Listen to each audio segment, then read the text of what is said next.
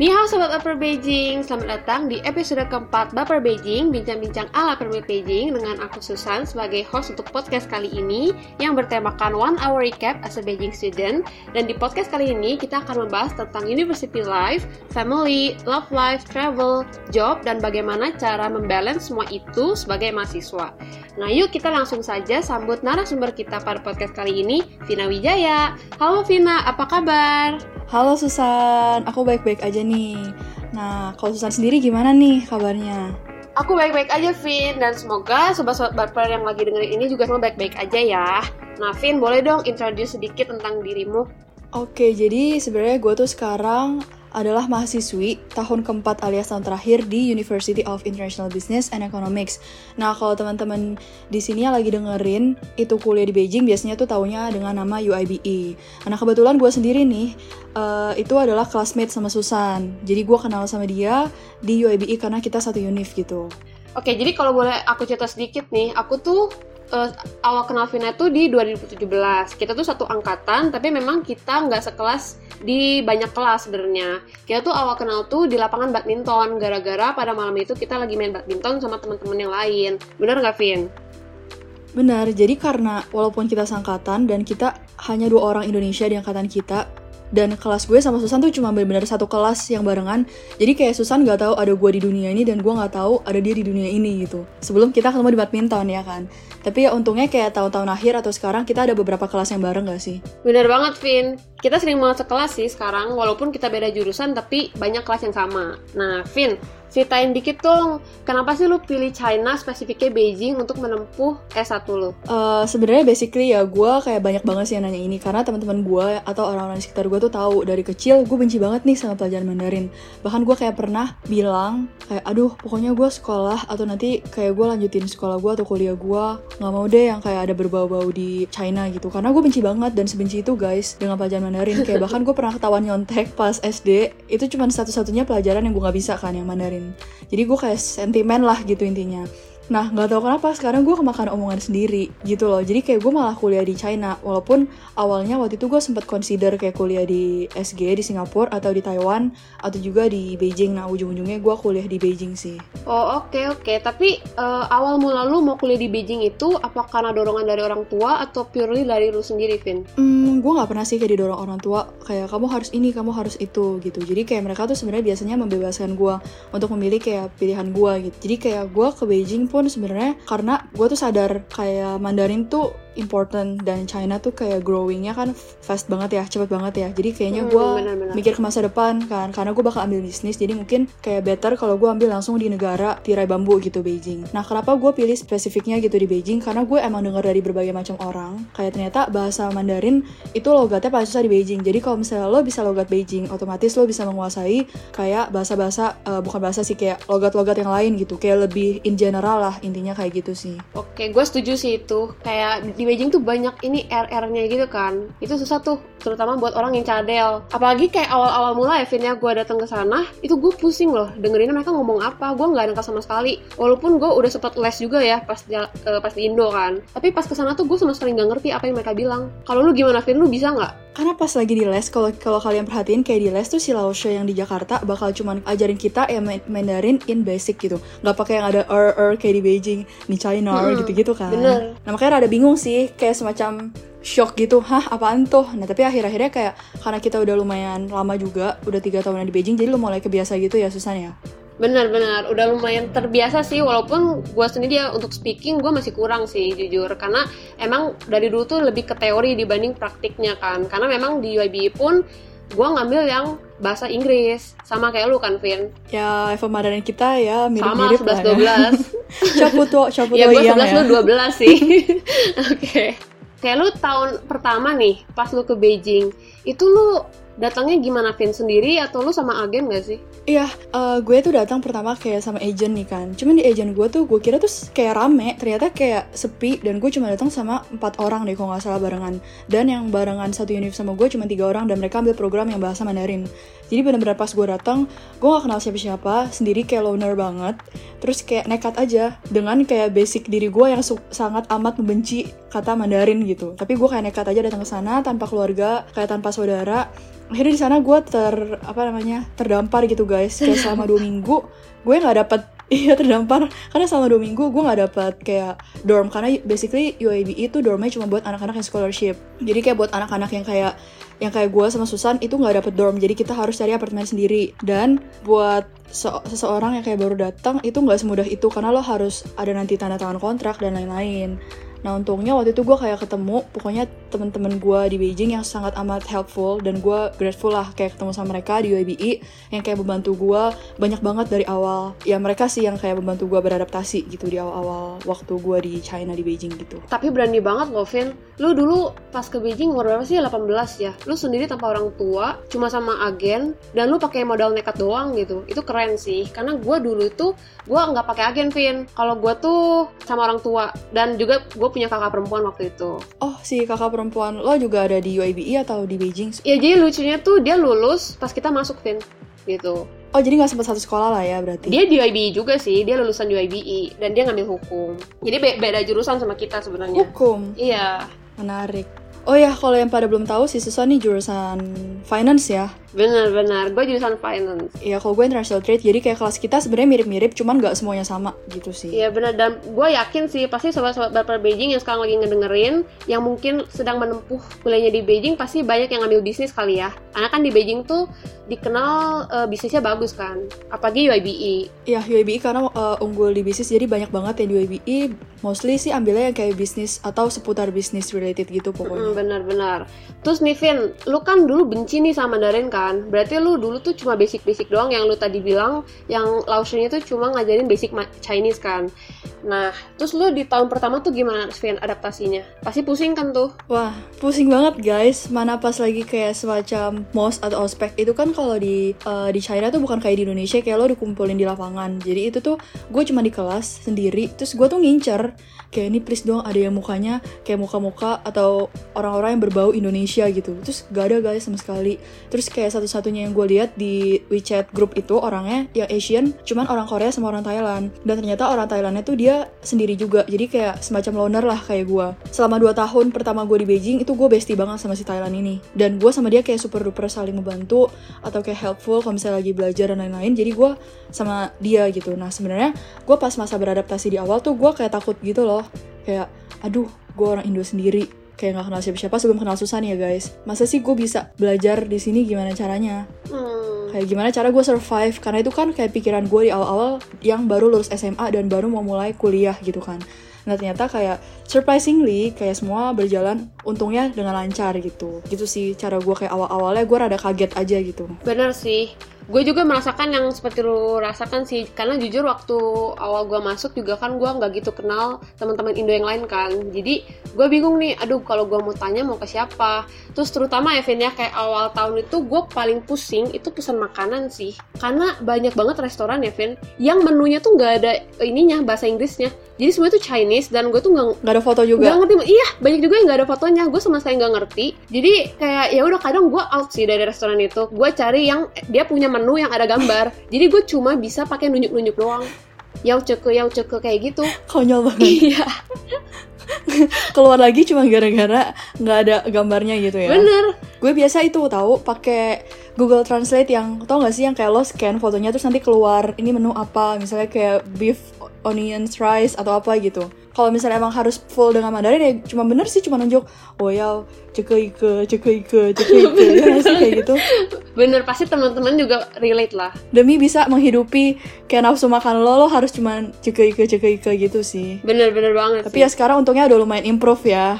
Kayak bisa lah ngomong-ngomong kayak pesan makanan gitu Oh ya, Vin, kan lo tadi sempat mention ya, lo tuh orang Indo sendiri kan. Kok lo bisa sih tetap berprestasi, Vin? Karena nih kalau gue boleh sharing ya sama teman-teman yang lagi dengerin, Vina itu di angkatan gue tuh salah satu yang paling berprestasi. GPA dia tuh tinggi banget dan dia tuh rajin banget sih. Enggak, enggak guys, kayak dibilang rajin enggak. Kayak mungkin orang-orang dari luar beranggapan gue tuh rajin sebenarnya enggak dan gue juga orangnya yang kayak deadlineer gitu loh. Cuman ya bukan kayak ke arah ini sih, bukan ke arah mm, rajin yang kayak tiap hari gue belajar gini-gini tuh nggak sama sekali. Tapi kayak tahu tanggung jawab lo. Jadi kalau misalnya kayak ada tugas terus atau lo ada ulangan tuh gue pasti kerjain dengan baik gitu.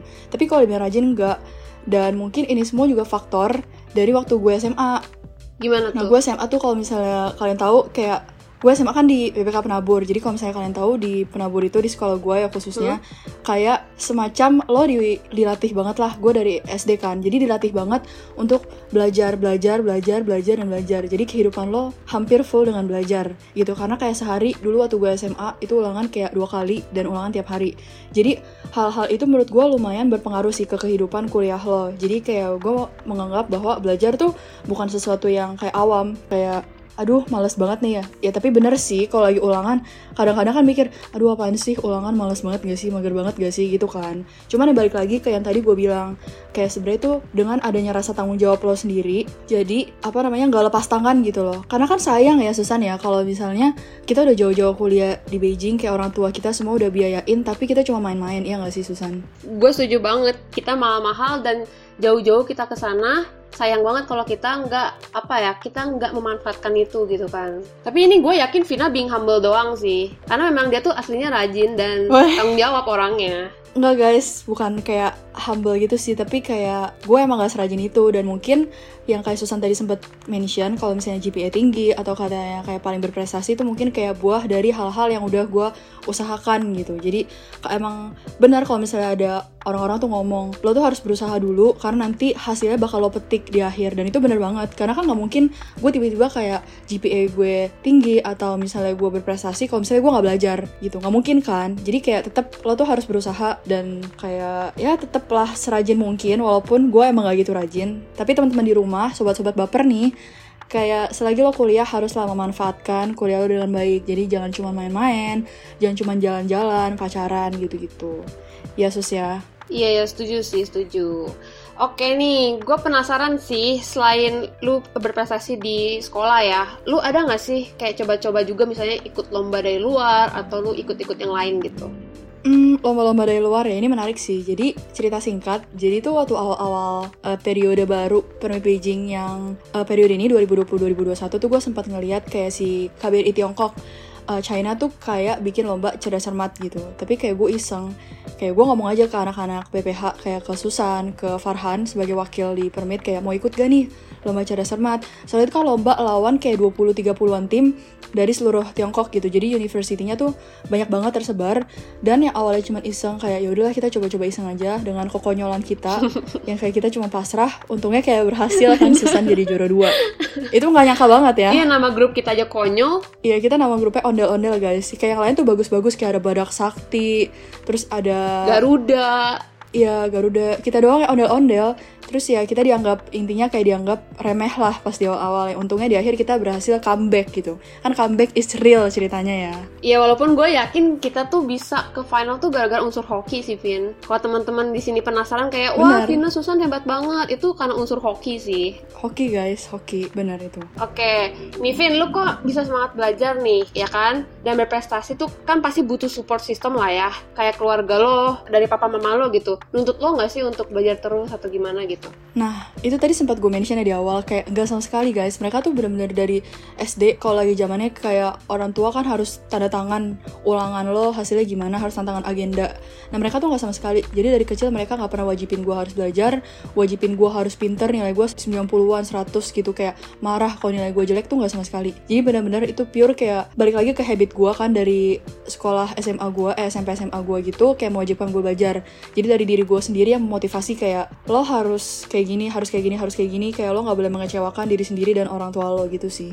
Karena kan udah sekolah jauh-jauh juga, kayak mereka membebaskan gue dalam hal apa pun gitu. Jadi mereka nggak mengharuskan gue cuma dalam aspek belajar gitu nggak nggak sama sekali tapi dari seluruh kehidupan aspek gue gitu. Kayak gue kuliah di Beijing gue belajar dalam gue kerja atau misalnya gue misalnya punya usaha atau apa tuh mereka bebasin.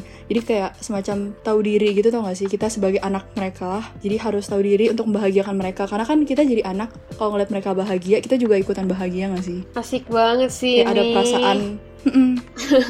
kayak perasaan senang-senang bangga gitu walaupun gak di walaupun kita dan mereka saling nggak mengungkapkan kayak ah mama bangga sama kamu atau ah aku seneng kayak lihat mami bangga gitu kan enggak ya kayak anak zaman sekarang nggak kayak gitu kan tapi ya kayak kita senang tau lah kalau mereka bangga Bener sih, biasanya kalau gue sih tahu orang tua gue bangga itu dari orang lain. Misalnya orang lain bilang, eh tadi orang tua lu bilang gini gitu.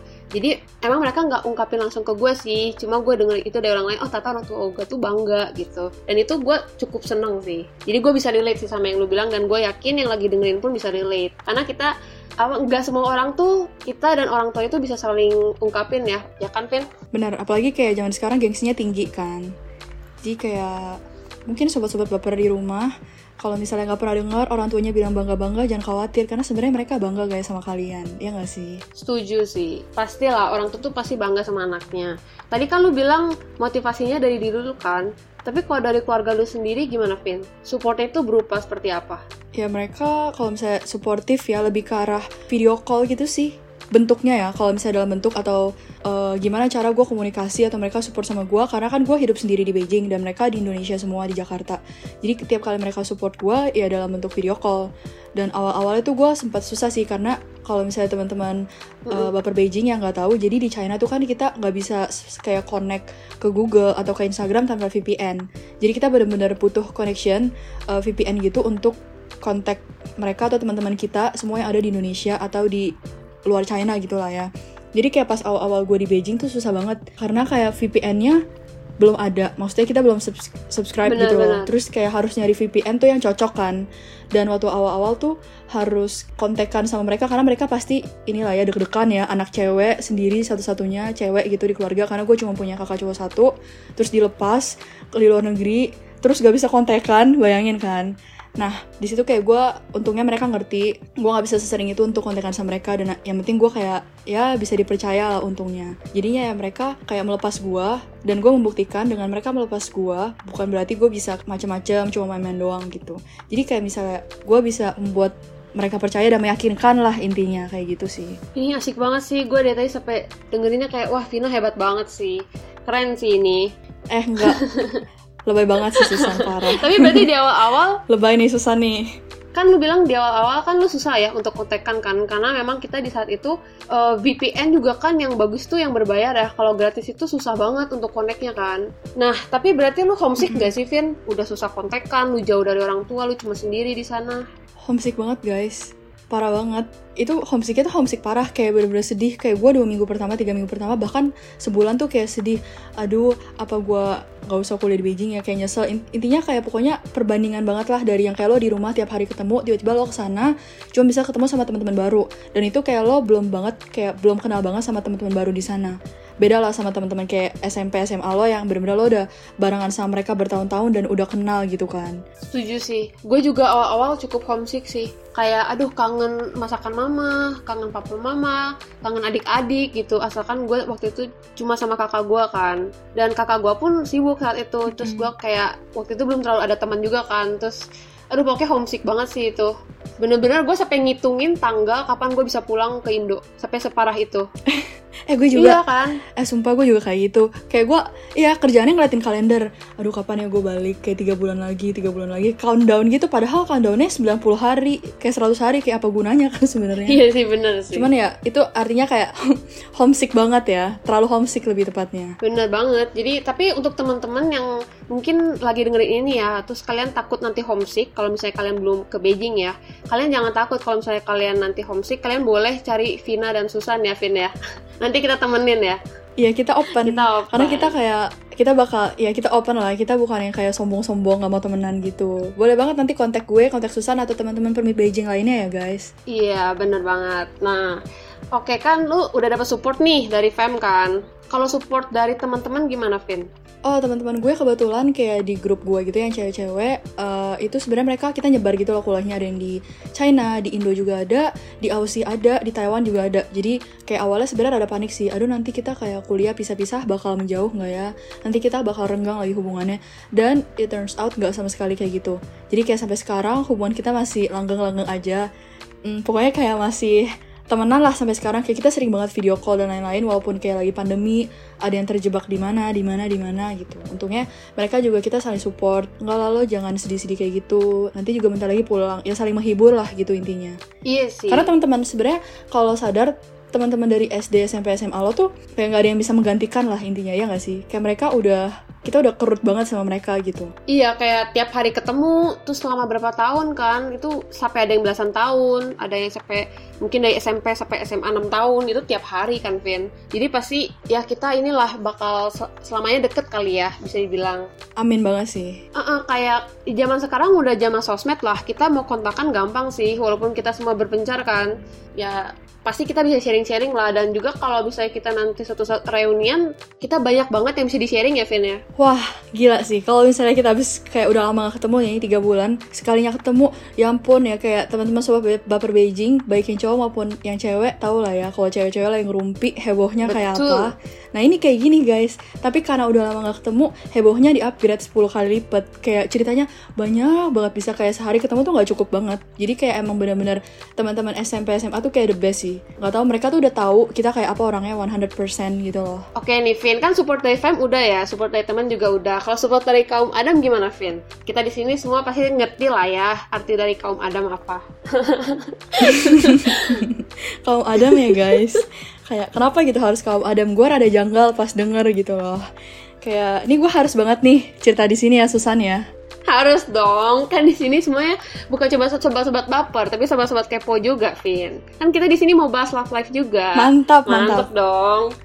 sobat-sobat kepo ya Iya. jadi udah ganti ya mulai sekarang kita sebutnya sobat-sobat kepo yang lagi dengerin gitu bukan sobat baper Iya bener. Oke, jadi support dari kaum Adam itu jadi sebenarnya dulu waktu gue awal datang ke Beijing itu gue lagi LDR. Jadi gue sempet pacaran gitu kayak di Indo di Jakarta kayak setahun. Terus lanjut lagi setahun setengah LDR. Ya jadi kayak total-total bisa kalau nggak salah 2 tahun 8 bulan apa berapa gitu. Gue juga udah agak lupa sih detail waktunya karena kan udah lama juga nih kandasnya. Oh, ceritanya sudah mulai lupa. Ya sudah mulai melupakan. Eh sudah melupakan maksudnya. Jangan salah artiin. Sudah sangat melupakan. Kita Vin. jadi nggak nggak nggak nah jadi kayak sebenarnya waktu awal gue datang ke Beijing kayak gue kan masih pacaran kan. Jadi kondisinya ya dia bantu gue support juga dulu. Kayak dia kayak menenangkan gue misalnya gue lagi kayak kayak stres atau kayak sedih-sedih gitu ya ya dia bantu menenangkan gitu sih. Oh ya klarifikasi dikit. Yang tadi itu beneran sudah sangat amat melupakan guys. Gue tambahin lagi. Bukan sudah mulai ya. Loh, Vin, jadi ya jangan ada yang salah tangkep. Loh dengan klarifikasi malah jadi kitanya jadi mikir, jadi curiga nih. Nggak, jangan curiga-curiga. Soalnya udah lama beneran guys. Udah dua tahun yang lalu kayaknya kandasnya. Jadi kayak benar-benar sudah melupakan gitu. Oh gitu. Oke, tapi gue kepo dikit sih, bukan cuma gue sih. Gue yakin yang lagi dengerin kepo semua kan, karena kita semua udah menjadi sobat kepo ya. Kisah LDR lu gimana sih, Vin? Kok bisa sih kandas gitu? gue ngakak sih kayak tiap kali lo ngomong sobat kepo kesannya kayak khusus episode ini gara-gara teman-teman pada dengerin di sini jadi namanya diganti gitu iya ya. Jadi dong. dari sobat baper ke sobat kepo gitu. Em putusnya sebenarnya karena jenuh sih katanya. Jadi waktu itu emang hubungannya udah gak jelas.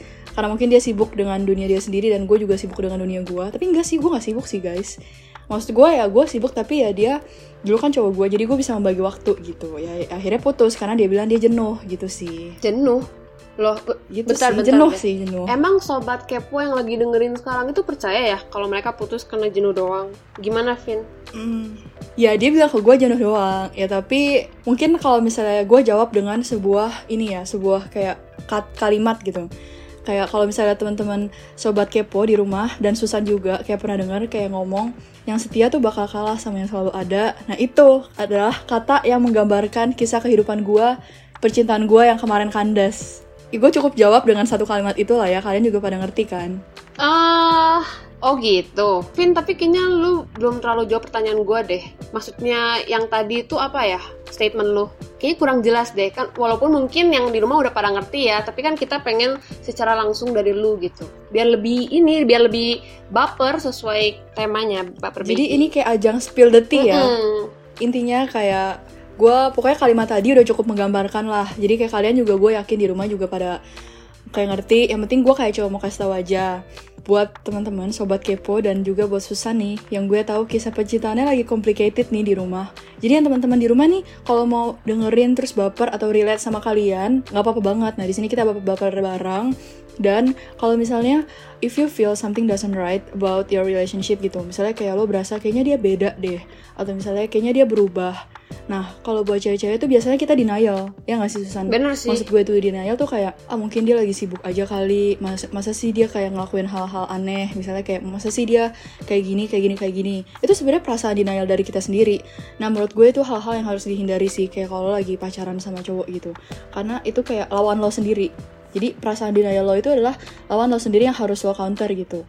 Karena kita sebagai cewek-cewek, kayak orang-orang juga pada tahu lah, cewek-cewek itu feelingnya kuat banget. Lo bisa aja ngerasain kayak sesuatu kayak nggak bener gitu, kayak kayak ada yang aneh. Nah itu nggak boleh banget ada kayak gitu. Jadi lo harus mendengar kayak ngomong langsung sebenarnya ada apa gitu sih yang gue pelajarin dari kisah cinta gue yang sebelum sebelumnya gitu loh. Yang dari tadi lo berusaha pancing gitu. Oh oke okay, oke. Okay. tapi ya udahlah ya itu kan di masa lalu ya Vin ya. Kan sekarang kan sesuai yang tadi Vina bilang di awal dia sudah mulai melupakan. Tapi ya Vin ya. Sudah sangat melupakan. Sudah mulai melupakan, sudah sangat melupakan. nah Vin. Tapi kalau misalnya lu ketemu dia nih Vin ya pas reuni lah atau apa pun itu lah ya misalnya di mall atau di mana, lu awkward gak sih? Hmm, bun kebetulan setelah gue putus, eh waktu itu gue putus cuman kayak video, eh via call gitu guys, karena kan posisinya gue lagi di Beijing, terus dia di Indo, terus kan dia ngomong yang dia jenuh, terus putus terus akhirnya sampai sekarang pun gue nggak pernah ketemu sama dia sekalipun. Eh gue nggak tahu kalau misalnya ketemu awkward apa enggak. Misalnya kayak ketemu di jalan pun gue nggak pernah tapi kayak kalau misalnya dia uh, dia ulang tahun gitu gue ucapin. Kayak misalnya gue ulang tahun dia juga ngucapin. Jadi ya kayak bukan lost contact yang musuhan gitu enggak. Cuman kayak mungkin nggak deket cuman masih menganggap sebagai teman lah ya. Namanya kan uh, walaupun dia namanya mantan dia pernah kayak membawa atau mengisi kehidupan kehidupan lo. Jadi kayak lebih bahagia walaupun itu dulu nggak sekarang. Jadi ya menurut gue kayak jadi mantan gak harus jadi musuhan sampai nggak mau ketemu. Eh bukan nggak mau ketemu sih kayak misalnya lo musuh menganggap dia musuh bebuyutan gitu jangan. Kayak kan banyak banyak musuh di hidup kan gak enak juga ya kitanya kayak hidupnya nggak tenang. Jadi ya keep the distance tapi kayak lo tetap komunikasi gitu sama dia. Hmm. gitu sih jadi kayak as a friend ya, ya cukup gitu sih. Oke okay, oke. Okay. jadi ini putusnya secara dewasa Evin ya awal-awal enggak karena awal kan gue masih shock. Karena kan tadi yang gue bilang ada kasus kayak bukan kasus sih lebay banget sih kasus kayak yang setia bakal kalah sama yang selalu ada. Jadi awal-awal enggak cuma kan uh, seiring berjalan waktu kayak kita makin dewasa juga kayak udah dua tahun juga kan putusnya jadi ya udah itu kayak masa lalu ya biarkan menjadi masa lalu gitu. Nah kalau Susan sendiri nih gue juga mau kepoin balik dong. Lo sama mantan lo gimana sih? Masih kontak atau enggak? Karena kan gue nggak tahu nih oh. banyak banyak apa banyak banget orang-orang di luaran sana gitu yang kayak musuhan atau jadi temenan lagi sama mantan. Kalau sendiri gimana? Boleh sih jadi ya sebenarnya ya kalau aku sama mantan wih jadi aku ke, keinget mantan jadi ngomongnya aku ya, ya. Iya, jadi gitu deh. Uh, kalau gue sama mantan sendiri ya itu putusnya karena memang sudah tidak cocok sih. Jadi ya udah kita putus tapi secara dewasa juga dan kita sampai sekarang masih kontekan kok. Eh tapi jangan salah paham maksudnya kontekan tuh misalnya dia ulang tahun ya gue ucapin atau enggak dia misalnya ada prestasi gue juga kayak congrats gitu. Gitu sih Vince mirip-mirip lah ya mirip-mirip cuma kalau gue sih kayak gak musuhan bener, banget bener. gitu. Kalau gue sih tapi udah sangat-sangat melupakan sih. Oh kalau gue udah sangat-sangat sangat amat melupakan. Ya bedanya di situ lah. Oke okay, tapi gue yakin kita semua di sini akan menganggap Vina mulai melupakan. Oke, okay. nah Vin tapi oke okay, kayaknya LDR ini sih kayak ya ya udahlah ya gitu kan. Mungkin itu dari cerita lu sih cukup menyakitkan ya kalau dari statement lu tadi sih yang yang kita tangkep ya. Nah kalau tapi selama lu di Beijing nih lu ada kisah cerita lain gak sih Vin? Sama gue di Beijing? Ya kan lu udah tiga tahun di Beijing. Enggak ah nggak ada. Bohong. Di sini sobat kepo inget Vin Hmm, ada sih guys, cuman ya kayak cuma deket-deket doang gitu, kayak ya nggak pacaran. Karena kan waktu itu gue sering banget kayak, no, apa namanya sering banget nongkrong sama teman-teman gue yang cewek-cewek Indo, sama ada si Thailand ini ya. Tapi ya kayak cuman deket-deket doang karena sering nongkrong gitu kan kalau misalnya weekend tapi ya setelah itu ya ada juga dekat sama beberapa cowok misalnya kayak chatting-chatting video call atau misalnya kayak cerita-cerita lah gitu intinya. Ya tapi cuma deket doang belum sampai yang tahap pacaran gitu. Deket doang nggak sampai tahap pacaran. Tapi udah PDKT dong Pin hmm, gue nggak tahu ya itu dalam masa PDKT apa enggak karena PDKT kan sebenarnya subjektif ya. Menurut gue lagi PDKT belum tuh menurut dia lagi PDKT ya nggak sih? Uh, aman banget kan jawaban gue ya oke lah bisa diterima lah ya itu jawabannya. Tapi gue yakin pasti Vina banyak yang fans lah ya di Beijing. Ataupun sekarang mungkin sobat-sobat baper di sini mulai ngefans sama Vina. Enggak guys. Eh cuma penasaran aja Vin. Tipe cowok lu tuh kayak gimana sih? Tipe cowok gua, tipe cowok gua Oke, kalau buat realistisnya ya Kayak kalau misalnya zaman SMP, zaman SMA kan Pasti lo nyari yang looking Kayak harus ganteng, putih, tinggi, dan lain-lain Tapi kayak semakin lo dewasa Kayak udah gak nyari yang kayak gitu gak sih? Iya sih. Kayak lo kayak gitu gak sih? Bener Susan? sih. Kalau dulu tuh kan? banyak ininya harusnya. Iya banyak cang cincong kan zaman dulu kayak harus ini itu ini itu kayak makin dewasa yang penting kayak nyaman kan ngobrol sama kita nyambung lah intinya itu nomor satu karena kalau lo bisa stres gak sih kayak tiap hari pacaran chatting terus gak tahu mau ngomongin apa aja terus kedua harus setia. Karena kan emang bener ya setia bakal kalah sama yang selalu ada tapi semoga nanti di kehidupan gue eh percintaan gue selanjutnya tuh nggak lagi. Nah yang penting setia terus kayak hmm, gue pengen sih tapi ini bukan necessary ya. Tapi kalau bisa banget sih yang smart gitu sih. Tapi bukan smart yang dalam artian akademik kayak GPA tinggi nilai bagus gitu itu enggak. Tapi ya kayak orang yang mau mencari tahu dan knowledge-nya tuh luas. Jadi kayak kalau misalnya gue ngobrol sama dia dia bisa kasih insight ke gue insight baru. Jadi gue bisa saling sharing gitu. Jadi bisa nyambung. Mm-mm. Jadi bukan smart yang harus pinter gini-gini, tapi ya kayak rasa ingin tahunya tinggi lah. Jadi kayak dia tahu banyak hal di dunia ini gitu. Jadi kayak sama-sama bisa berkembang. Asik. Kayak ini banget ya pesannya. Mm-mm. Kalau misalnya orang-orang kayak pada bilang LDR susah gitu, enggak sih menurut gue LDR kayak kalau misalnya gue ditawarin kayak mau LDR lagi enggak, ya gue it's not a problem gitu. Karena gue bukan tipe orang atau tipe cewek yang harus ketemu 24 jam per 7 harus gini-gini. Walaupun gue punya kisah pahit gitu di masa lalu tentang LDR, tapi menurut gue ya LDR is still okay. Nah kalau dari Susan sendiri nih, tadi kan udah nanya nih ke gue, kayak tipe cowok gue gimana? Sekarang gue tanya nih ke Susan, gimana? Tipe cowok lo? tembak gitu. balik nih.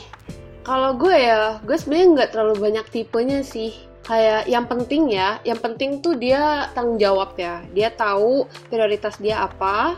Dia rajin, gue suka banget cowok yang rajin. Pinter kayak dalam edukasi tuh sebenarnya nggak terlalu penting juga sih. Yang penting tuh ya sama kayak lu sih Vin sebenarnya pinter, setia. Jadi kalau ngomong tuh dia nyambung sama gua.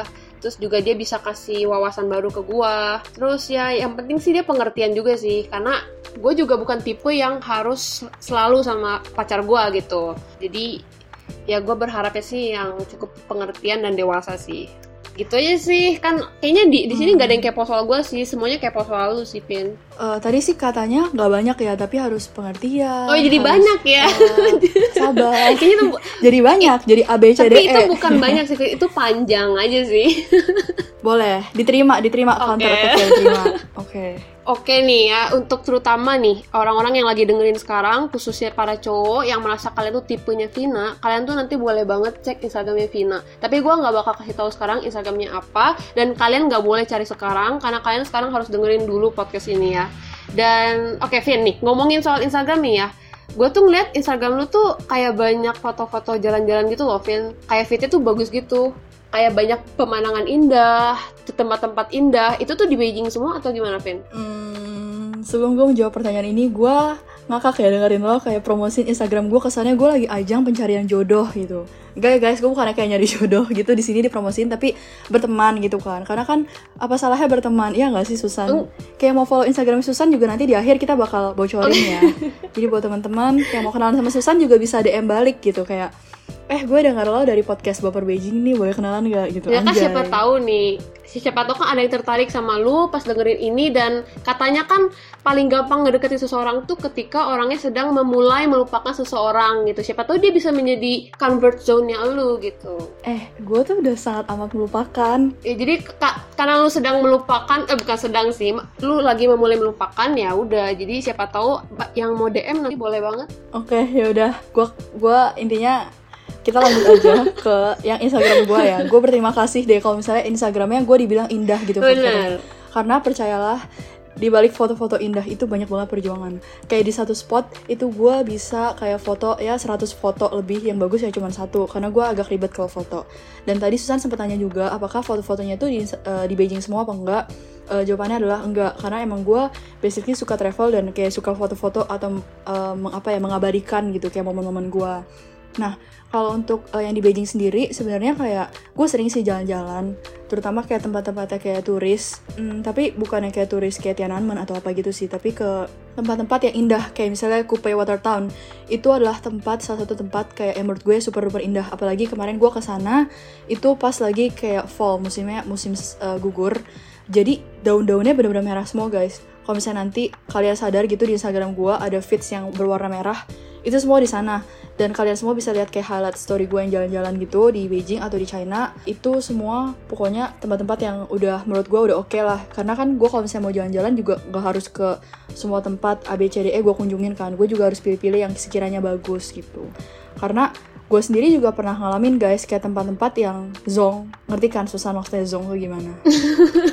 Ngerti ngerti. Tapi yang Zong tuh yang kayak gimana emang, Vin? Kayak dulu gue pernah ke Red Beach. Jadi Red Beach tuh kayak lo lihat dari namanya aja kayak red dan beach. Jadi sebuah kayak rawa, tapi itu kayak dia tumbuh tumbuhan yang berwarna merah. Tapi pas gue datang ke sana, itu nggak ada merah-merah sama sekali, boy. Cuman, nih kalau misalnya gue menggambarkan visual biar teman-teman sobat kepo di rumah pada bisa menggambarkan, kalian bayangin sawah yang uh, padinya udah dicabut. Jadi bener-bener kayak kayak tanah basah, terus gak ada merah-merah sama sekali. Terus gue kayak sama teman gue, hah? Ini kita nggak salah ke tempat ini kayak nggak ada merah-merah sama sekali. Nah untungnya kayak kan teman-teman tour yang lain kayak pada protes. Akhirnya kita ya dibawa gitulah ke tempat-tempat lain. Kayak untungnya masih ada beberapa spot yang bisa diabadikan dan kita bisa enjoy lah ngeliatnya gitu. Jadi ya nggak rugi-rugi banget lah gitu. Oke, tapi kan di sana tuh ada empat musim ya, Vin ya. Kalau menurut lu sendiri tips ya supaya kayak IG feed lu tuh yang super instagramable lah ya.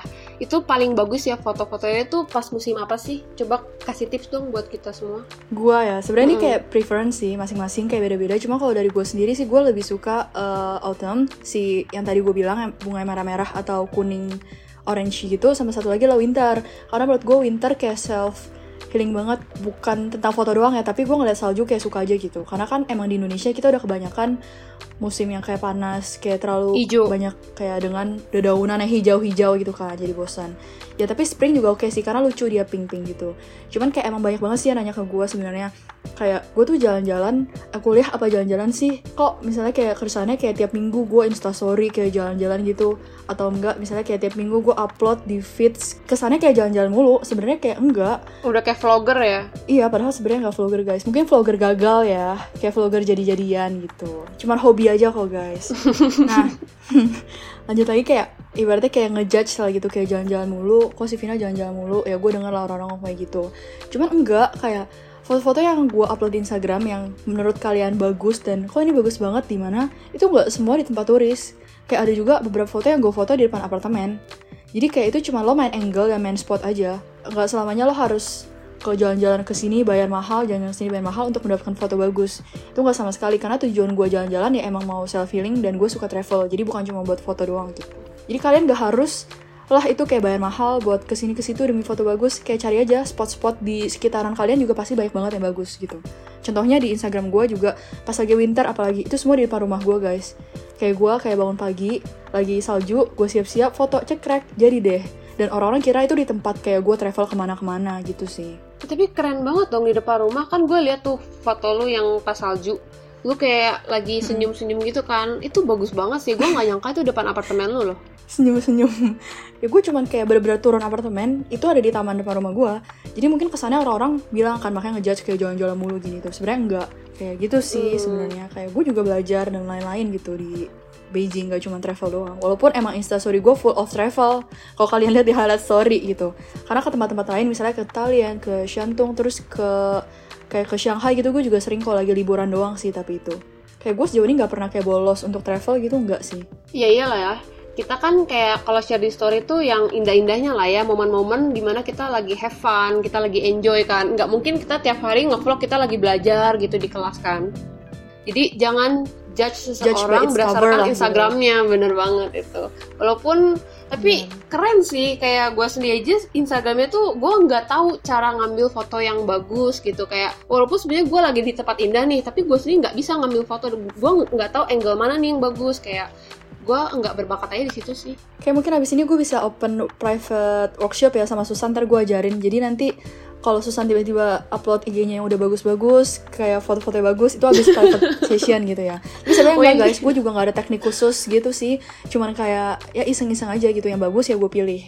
Gitu sih Oke, ini semacam promosi ya, Vin ya. Jadi orang yang mau ada private lesson sama Vina, sekalian mungkin cowok-cowok yang tadi mau modus-modus boleh banget sih. Gue setuju sih, kayak berdasarkan dari yang Vina udah ceritain dari awal ya. Untuk teman-teman yang lagi dengerin ya, ini mungkin kalian harus inget ya, sebagai mahasiswa itu kan kita nggak cuma explore doang ya di sana. Kita nggak cuma have fun doang, tapi kita tetap harus mikirin masa depan juga. Bener nggak, Vin? bener banget sih Nah, misalnya tuh dengan apa sih? Misalnya dengan or- ikut organisasi, dengan kita mencari magang atau kerja gitu. Nah, kalau lu sendiri, Vin, lu ikut organisasi apa aja sih? Sama lu pernah magang nggak? Hmm, dari organisasi dulu, eh, magang dulu kali ya, magang dulu deh. Jadi gue cerita boleh. karena baru banget nih. Jadi gue baru banget selesai magang di salah satu kayak e-commerce di Indonesia. Kalau kalian tahu Tokopedia, nah itu biasanya cewek-cewek atau cowok-cowok yang suka belanja belanja. Nah itu di Tokped kan. Nah gue baru aja selesai setelah kayak lima bulan gitu. Udah sih gue kayak magang itu sebagai kayak business development gitu. Jadi kayak bantu-bantu ya seputar business related gitu sih di Tokopedia gitu. Itu kalau uh, kita boleh tahu lebih spesifiknya lu ngapain aja, Vin? kayak gue ngurus-ngurus basicnya kayak tentang marketing atau tentang kayak misalnya nih gue belanja terus misalnya gue kan biasa pencinta promo gitu ya kita cewek-cewek Mm-mm. nah itu gue yang kayak ngurusin misalnya kayak promo ini cuma boleh buat si tipe kayak customer kayak gini promo ini cuma bisa tipe customer kayak gini nah itu bagian gue dan kalau misalnya ada beberapa push notif yang muncul di HP kalian itu juga gue bagian ngurusin push notification ya basically oh, kayak I gitu lah. Iya, iya. Kan lu tadi bilang di bagian marketing. Lu salah satu yang involved di balik iklan yang lagi booming ini nggak sih? Yang ada WIB WIB itu? Oh itu enggak, itu bukan bidang gue Jadi gue kayak nggak ada sangkut pautnya sama WIB WIB Walaupun gue rada excited ya tiap ada waktu Indonesia belanja gitu sih Ya itu catchy banget nggak sih lagunya? Sampai sekarang aja terngiang-ngiang di kepala gua. Itu keren sih. Jangan sampai gue nyanyiin sekarang aja nih. Ntar kesannya gue kayak masih mempromosikan gitu kan. Udah nggak intern di sana kan. Tapi kalau bisa sih Vin eh, diterima di Tokped gitu kan? Secara Tokped tuh kan besar kan dan itu keren banget sih kalau bisa diterima di sana. Kenapa lu milih untuk magang di situ juga? Jujur gue juga kaget banget Karena gue tuh kayak daftar waktu Maret Dan itu awal adanya covid Dan mereka masih kayak freeze hiring Tiba-tiba tuh pas bulan Juli Kan dari Maret ke Juli rada jauh ya guys kayak dari Maret ke Juli tuh Lumayan sih. jauh tiba-tiba gue di kontak iya sama HR-nya kayak lo masih mau nggak kayak magang di sini intern di sini? Akhirnya gue kayak okein karena kan siapa yang nolak? Teman-teman juga pada tahu karena kan Tokopedia tuh perusahaan kayak salah satu unicorn yang ada di Indonesia. Dan Hmm, gue juga kaget banget pas di kontak karena gue kan cuman kayak daftar ini sesuai dengan bidang gue tiba-tiba gue di kontak ya udah gue okein lewat tiga kali interview waktu itu gue bayangin guys tiga kali interview dalam waktu kayak cuma dua hari deh ada yang dadakan gitu. Nah untungnya mungkin kayak cocok dengan requirements mereka ya untungnya gue masuk gitu. Dan kayak tadinya tiga bulan kayak mungkin gue masih lumayan cocok dan betah karena lingkungan mereka juga working environmentnya gila banget oke-nya. Jadi bener-bener gue di sana kayak gak dianggap sebagai anak intern sama sekali. Jadi gue di welcome banget jadi gue walaupun misalnya kadang emang ada tugasnya yang kayak lagi susah atau banyak gue enjoy gitu ngerjainnya gitu sih. Karena emang mereka kayak lingkungannya kayak senior senior gue teman-teman intern gue semua welcome banget. Itu salah satu yang gue bener-bener kayak bersyukur gitu punya kayak orang-orang kayak mereka selama gue kerja. Jadi lima bulan tuh nggak berasa sama sekali. Wih mantep banget 5 bulan, keren banget sih Vin. Dari 3 bulan lu diperpanjang sampai 5 bulan. Dan di Tokped lagi. Cuman gue baru aja selesai. Banyak banget sih emang yang nanya ke gue, kok bisa sih kayak magang di Tokped, kayak intern di Tokped, gimana caranya? Nah itu teman-teman jangan kayak takut mencoba, jangan kayak jiper karena dia perusahaan besar, terus lo kayak lo berasa, aduh gue gua mah apa butiran debu gini gini gini. Ya emang awalnya gue juga merasa kayak gitu, tapi apa salahnya mencoba? Karena kalau misalnya nggak nyoba, ya lo nggak bakal tahu hasilnya kayak gimana. Balik lagi kayak gue, kalau misalnya di awal di Maret gue nggak daftar, kayak gue nggak bakal yang namanya intern 5 bulan kemarin di Tokopedia gitu. Jadi teman-teman harus nyoba di rumah. Kayak mau ke perusahaan apa pun, gak cuman kayak Tokopedia atau perusahaan e-commerce dan yang lainnya. Pokoknya kalau ada kemauan tuh harus dicoba gitu sih. Oke kalau ya, oke kan lu bilang harus coba-coba nih. Lu boleh dong dikasih tips ke ke yang lagi dengerin sekarang ya. Lu tuh pas apply itu lu apply ke berapa banyak Vin emangnya? Gue apa intern bukan karena kewajiban dari kuliah, jadi bener-bener gue pure iseng doang. Kayak paling cuman tiga perusahaan, empat perusahaan deh. Dan waktu awal-awal gue di kontak juga sama perusahaan lain, cuman waktu itu kayak harus work from office dan gue nggak mau kan karena lagi covid. Mm-mm. Jadi kayak gue nggak terima tawaran itu jadi kayak akhir-akhir Juli baru gue terima karena Tokopedia gue full work from home 5 bulan kayak ketemu sama tatap tatap muka sama teman-teman gue dan senior senior gue cuman sekali waktu itu hari pertama gitu sih Oke, kalau boleh tahu intern di sana itu seharinya berapa jam sih, Vin? Hmm, kayak sebenarnya bukan eh dia rada fleksibel sih. Yang penting lo kayak kerjain tugas lo sampai Hmm. selesai. Jadi kayak gue bisa kayak kerja sampai malam sampai jam 8 9 itu pernah juga, tapi besokannya gue eh, kosong. Misalnya kayak sampai jam 3 gue udah selesai karena kan tugasnya udah gue selesaiin hari sebelumnya gitu. Jadi kayak semua yang penting workload lo tuh semua kelar. Jadi jangan sampai kayak lo cuman leha-leha kerja kayak gitu kan nggak nggak enak juga kan. Gue juga kayak Hmm, bener. nggak mau yang kayak gaji buta atau gimana dan kebetulan gue juga enjoy dengan pekerjaannya dengan sesuai dengan passion gue jadinya ya I'm okay and I'm, I'm very happy gitu Wih, bagus banget sih itu. Jadi lu tetap tanggung jawab ya, walaupun intern mungkin nggak seberat yang lain ya job desk-nya. Mm-mm. Tapi tetap kita harus ya kita udah diterima di sana, kita harus manfaatin itu lah ya. Nah, ini kan magang nih. Kalau organisasi gimana, Vin? Pernah ikut apa aja? organisasi itu waktu awal-awal gue datang ke Beijing di tahun pertama gue ikut kayak International Alumni Association ya itu ada di khusus UABI jadi kayak organisasi Indonesia yang ada di UABI nah tapi kan setelah tahun kedua gue fokus ke kelas gue jadi gue ambil kelas-kelasnya angkatan atas biar kayak tahun keempat sekarang ini gue kayak kosong kelasnya makanya sekarang kelas gue kan tinggal dua ya. Sama tahun depan tinggal dua sama skripsian. Itu jadinya tahun kedua gue udah nggak lanjutin IA lagi. Nah sekarang banget nih gue lagi kayak menjabat sebagai sekretaris pertama di Permit Beijing sih. Sama Susan sebagai ketuanya. Iya, jadi Vina itu jadi sekretaris permit Beijing di periode ini ya, Vin ya. jadi mungkin aku yang boleh cerita kali ya sedikit ya. Gimana sih kok Vina bisa jadi sekretaris permit? Pasti sobat-sobat yang lagi dengerin, terutama sobat kepo, itu kan udah nyaman ya dengerin suara Vina dari tadi. Merdu banget soalnya dari tadi gue dengerin Vina tuh Oke ini gue bocoran dikit ya guys Vina tuh jago nyanyi loh guys Kalian bisa nanti di IG tuh ada tuh highlight story dia lagi nyanyi Dia akan Susan calon terus promosiin gue calon Indonesian Idol ya. Oke. gue aminin tapi kayak lo terlalu berlebihan promosiin gue deh dari tadi gue nya jadi rada deg-degan nih kesannya kayak gimana gitu Oke. Nah, oke. Jadi kalau aku cerita sedikit ya. Vina itu bisa jadi sekretaris itu karena kan seperti yang kalian tahu di awal, aku tuh udah kenal Vina tuh dari 2017. Aku tuh sering sekelas sama dia mulai dari tahun 3 ya, Vin ya. Nah, kita tuh sering eh, satu grup bareng kalau untuk tugas gitu-gitu kan. Jadi aku tahu banget cara Vina kerja tuh kayak apa. Kayak dia tuh rajin, dia tuh bener-bener detail oriented, terus dia tuh teliti banget, terus dia rapih banget, bener-bener rapih, dan dia tuh greget banget kalau misalnya ada yang salah, misalnya pemakaian tanda baca atau yang dana lain segitu telitinya guys. Jadi aku tuh pas eh, pas di permit tuh mikir wah ini Vina bisa jadi sekretaris sih kalau kayak gini nih keren banget dan terbukti. Jadi ya sampai sekarang sih Vina sekretaris number one lah. lagi-lagi gue dipuji yang berlebihan. Tapi ya udah gue makasih aja. Buat Susan sudah memuji gue di depan sobat-sobat kepo yang dengerin di rumah ya.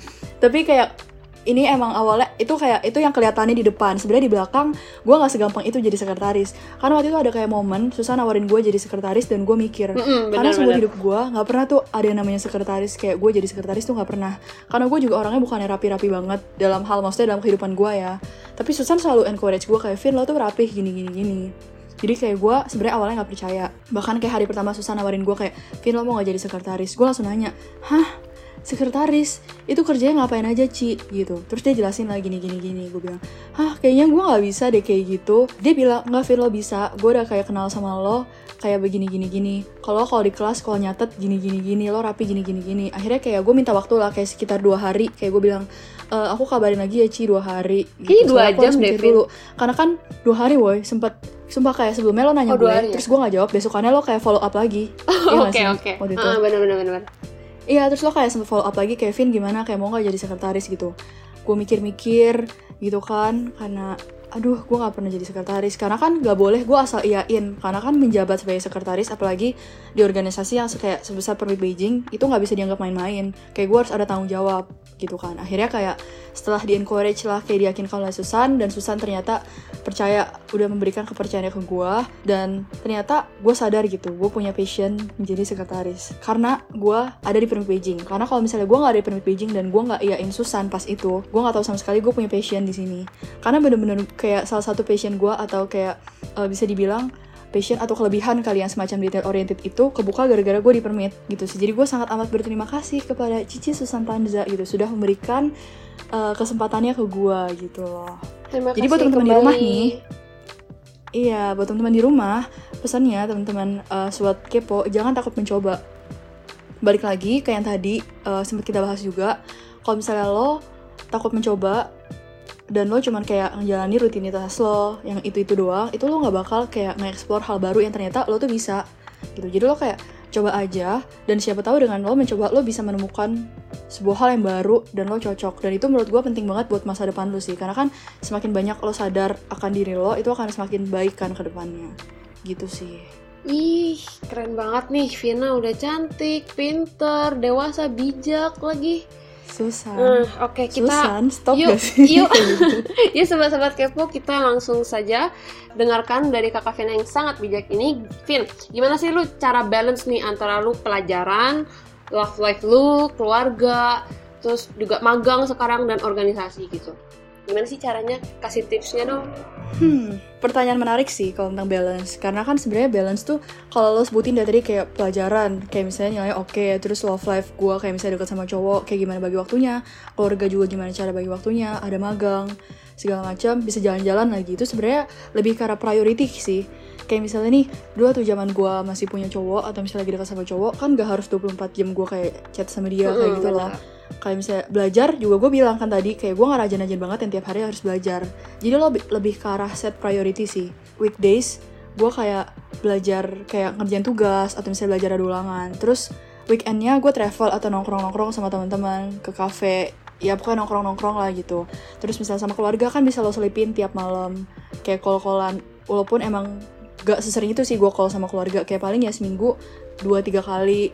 Nah tapi kan yang penting kita kayak kasih kabar ke mereka gitu kan. Jadi mereka tahu kehidupan kita gimana. Sama kalau magang eh, sebetulnya karena eh, kelas gue udah dikit sih guys sekarang. Kayak kan tadi gue udah sempet bilang ya kelas gue tinggal dua. Nah itu balik lagi. Karena gue udah ambil waktu zaman gue tahun kedua tuh gue udah ambil kelas-kelas yang angkatan atas. Karena emang target gue tahun ketiga atau eh tahun keempat itu gue harus dikit banget biar gue bisa magang. Jadi target gue yang magang intern sekarang ini udah gue targetin dari dua tahun lalu gitu. Dan untungnya masih bisa berjalan. Cuman ada hal satu hal yang kayak gue menyesal sih karena Susan juga pasti tahu lah ya kita berdua kayak berencana untuk ambil bahasa Hmm, di benar. semester tahun ini. Sayang cuman karena banget ada sih. corona mm-mm, karena ada corona jadi kita nggak sempat lah ya. Dan hopefully sih uh, next semester kita bisa balik dan bisa sempat ambil bahasa gitu. Biar bahasa kita nggak 11 12 lagi. Jadinya 98 99 ya nggak? Iya benar sih. Ya amin amin aja bisa di 98 ya. Itu harus dikali berapa harus tuh dari dong 11? harus. Iya harus banget sih. Kita udah empat Harus. tahun loh di Beijing dan kalau Mandarin kita masih yang HSK 1 itu malu-maluin banget. Apalagi kan kalau kalian tahu sendiri pasti juga sobat-sobat di sini tahu sendiri lah ya. Pasti kalau kalian sekolah di luar negeri itu expect-nya orang tuh kalian bisa bahasa itu kan. Kayak bahasa Mandarin apalagi kita empat tahun di sini gitu. Dan mungkin kan orang luar tuh Mm-mm. nggak tahu ya struggle kita dan nggak semudah itu ternyata untuk bisa langsung bahasa Mandarin secara fluent lah ya. Karena kan kita juga bergaulnya kan nggak langsung sama orang lokalnya ya Vin ya Mm-mm. Oh iya, ngomong-ngomong soal kayak lo ngomong kayak tadi kan bergaul sama orang lokal, teman-teman yang di rumah nih, sobat-sobat kepo, aku punya saran sih tips gitu. Kalau misalnya kalian kuliah di luar negeri, entah di mana pun itu, coba deh bergaul sama teman-teman internasional. Hmm, Karena kalau misalnya setuju. sadar juga, kalau misalnya kita bergaul sama teman-teman kelas kita, kayak kita bisa ngomong kayak English kita juga improve, terus juga ngomong Mandarin juga improve gitu. Jadi itu bener-bener lo nggak cuma belajar di kelas doang tentang bahasa itu, tapi lo juga apa namanya mengaplikasikannya juga gitu dalam kehidupan sehari-hari. Apalagi kayak dulu gue sempet deket sama orang yang kayak Thailand, sama teman-teman gue yang Laos, dan mereka tuh Inggrisnya nggak bisa sama sekali. Dan orang Indonesia kan lumayan unggul di Inggris ya. Eh, Jadi kayak keterbatasan bahasa sih. Si orang Laos nggak bisa Inggris tapi bisa bahasa Mandarin.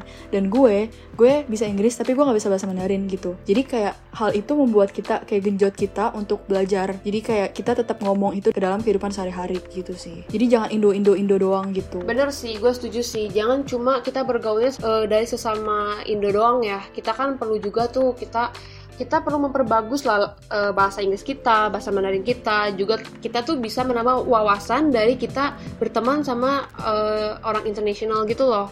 Kayak soalnya jalan pikirnya, terus culture-nya itu semua beda. Jadi kita dari berteman dengan mereka itu kita bisa menambah knowledge baru. Kita bisa lebih open minded gitu. Kita udah udah jauh-jauh ke sana, Benar. kita harus bisa membuka pikiran kita juga gitu. Ya kan Vin, setuju kan Bener Vin? dan dan kayak salah satu uh, benefitnya kuliah di luar tuh lo lebih kayak open minded sih. Lo lebih kayak gak oh ini tuh cuman kayak di kotak-kotakan A B C D. Jadi lo bisa ngelihat Hmm. segala sesuatu tuh dalam perspektif lain gitu sih. Tapi ya balik lagi lo tetap harus ambil yang positif buang yang negatif kayak gitu. Karena kan gak semua culture kayak culture yang berbeda itu kita ambil kita serap buat diri kita. Kan lagi-lagi kita adalah orang Indonesia yang harus tetap menyesuaikan culture yang kita Betul. punya gitu sih. Jadi kayak ambil yang positif aja gitu Bener banget. Nah, Vin, lu ada nggak sih? Gue penasaran aja sih, karena kan kelihatannya lu tuh padat ya dari jadwalnya kan. Sebagai mahasiswa nih, lu udah ikut organisasi, lu udah udah magang juga. Terus lu juga kan ini tahun keempat ya, lu udah mulai skripsi. Terus lu juga kelihatannya masih sering explore-explore gitu kan. Nah itu tuh, lu gimana sih tips ya supaya lu tuh jadi lebih produktif gitu loh? Jadi kan kita kan lebih terbawa santai ya kalau di rumah. Tapi kok lu bisa sih sampai kayak ngambil magang, lu tetap ikut permit gitu? Hmm, justru karena ke apa namanya keluangan waktu gua yang tadinya gua ambil bahasa tapi nggak bisa jadi mau nggak mau gua harus mengisi waktu gua dong nggak mungkin gua kayak cuma diem di rumah tidur bangun kebo gitu kan makan tidur lagi nonton Netflix itu enggak kan. Nggak mungkin kan guys. Kayak gue ya berusaha aja lebih produktif sebagai kayak mahasiswa yang udah mau nggak jadi mahasiswa gitu udah mau lulus. Jadi ya gue cari sambil cari magang sambil kayak mungkin kayak tahun ketiga itu gue belum sempat jadi uh, anggota permit. Ya sekarang waktunya gue mencoba walaupun agak telat ya jadi tahun terakhir. Tapi ya nggak apa-apa. Kayak lebih baik gue mencoba daripada nggak sama sekali ya kan? Lebih baik Kayak, terlambat ya I have benar. a good time juga. Iya dan Benar. gue juga enjoy juga gitu sebagai anggota permit. Dan kalau ditanya gimana cara lebih produktif Itu lebih ke arah mindset sih. Kayak lo mau jadi mindset orang yang rajin Atau lo mau jadi pemalas gitu loh Kayak gue emang sebenarnya da- dasarnya orang gak rajin sih guys. Kayak gue bener-bener Kayak kalau Susan tadi muji-muji gue Gue kayak rajin gitu Gak sama sekali. Kayak gue ada online class Gue juga bisa lupa kalau gue ada online class gitu Saking magernya di rumah gitu loh. Tapi ya balik lagi kan kita juga punya tanggung jawab sebagai mahasiswa. Dulu gue juga pas magang juga sebagai intern gitu kan di sana. Ya gue dikasih kesempatan buat sekolah di luar negeri gue dikasih kesempatan menjadi intern ya gue juga harus melakukan tanggung jawab gue gitu. Dan time management tuh penting sih untuk menyeimbangkan dan untuk kayak pokoknya lo bisa mengalami hal-hal yang banyak itu semasa kuliah. Karena kan kalau sadar Susan juga kita semua nih anak-anak muda di mana kita uh, diberi kayak energi yang untuk lebih produktif dibanding kalau nanti kita tua ya gak sih? Jadi iya kayak sih. lo manfaatin lah waktu-waktu muda karena nanti pas lo kerja nih pas kita berdua lulus karena kita adalah angkatan tua ya nanti kayak nggak bisa seluas itu untuk ke sana kemari ke sana kemari. Jadi kayak beranilah explore hal-hal yang baru.